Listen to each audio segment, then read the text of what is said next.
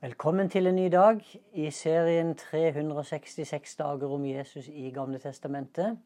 Vi er ved dag 69 og leser fra 2. Mosebok kapittel 25 og vers 21.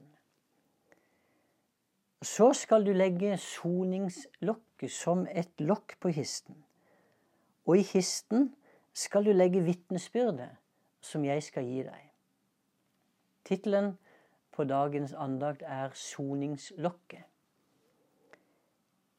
Paktkista som skulle stå i helligdommen, det var jo selve kronverket på det som Moses fikk beskjed om å lage. De, de andre tingene med alter og telt og effekter til ofrene, det ble jo laga for at paktkista skulle få den opphøyde plassen.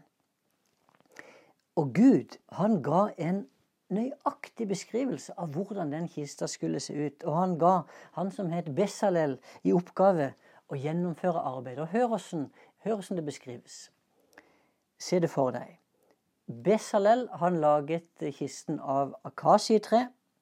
To og en halv alen lang, en og en halv alen bred og en og en halv alen høy. Han kledde den med rent gull både innvendig og utvendig, og laget en gullkant rundt den. Han støpte fire gullringer til de fire hjørnene, to ringer på den ene siden og to ringer på den andre siden.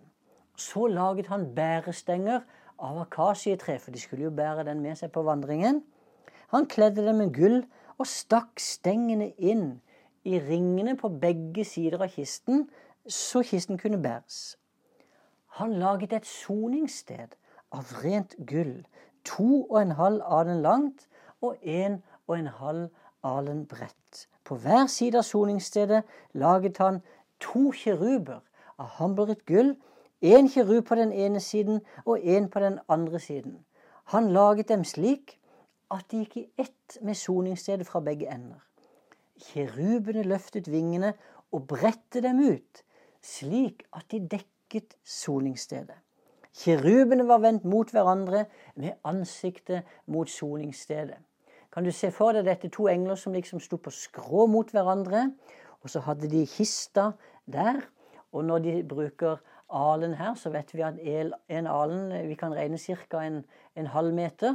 Så hvis den var da eh, en og en halv alen brei, f.eks., så er det 75 cm. Og når det er to og en halv alen så er det sånn ca. 1 meter og 30 cm. Så har vi litt av målet der på kista.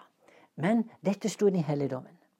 Det viktigste, det var jo imidlertid ikke selve kista, men lovtavlene med de ti bud som ble lagt i den.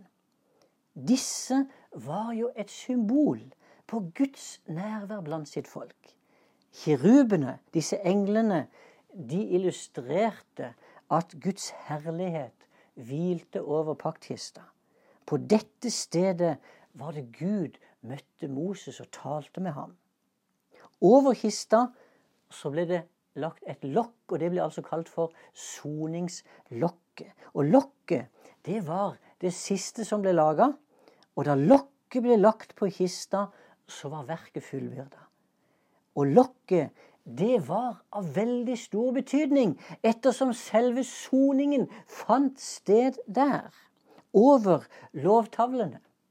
Og soningen, det var jo hvert år sånn sett en, en, en, en påminnelse om at Guds bud ble brutt på nytt og på nytt. For ordene som Gud hadde talt og skrev og rissa inn i de to tavlene. Det var som de lyste imot folket. Ingen var fri for skyld. Verden trenger et soningssted. Vi trenger et sted hvor vi kan gå til, og vi trenger et sted hvor vi kan gå og høre en stemme som sier 'Din synd er tatt bort. Din synd er sonet'. Soningslokket som lå over den gamle paktkista, den er borte. Og, og den paktkista den fins ikke heller lenger. Men det fins likevel et soningssted midt iblant oss. I Nytestamentet så er det åpenbart at soningsstedet er en person, nemlig Jesus Kristus. Han er lokket som lå over paktkista. Både det hebraiske ordet kaporett og det greske hilasterion, som oversettes med soningslokk, eller soningssted, det er faktisk brukt om Jesus i Bibelen. Det står i Romene 3 Ham har Gud stilt synlig fram for at han ved sitt blod skulle være soningsstedet for dem som står, som tror. Altså han skulle være soningslokket. Ved offerhandlinger i Gammeltestamentet så trengte de en prest, de trengte et offer, og de trengte et soningssted. Jesus han er både presten, han er offeret, ja, han er faktisk også selve soningsstedet. Det var på hans kropp det fant sted. Forstå det den som kan, men sånn er det åpenbart i Bibelen. Soningen for synd, den ble utført av Jesus med hans eget blod og på hans egen kropp. Og i begeistring over dette, når Luther oversatte Bibelen, så oversatte han faktisk soningslokket med nådestolen. Og det er godt sagt, for det er det som er Kristus. Lokket, det var jo inngangen til Guds herlighet. Og så lenge lokket lå over lovtavlene, så var jo det et bilde på at veien til Gud var stengt. Det illustrerte at lovens krav var ennå ikke oppfylt. Og pga. synden så var det jo helt umulig for et menneske å komme, på, å komme i kontakt med Gud.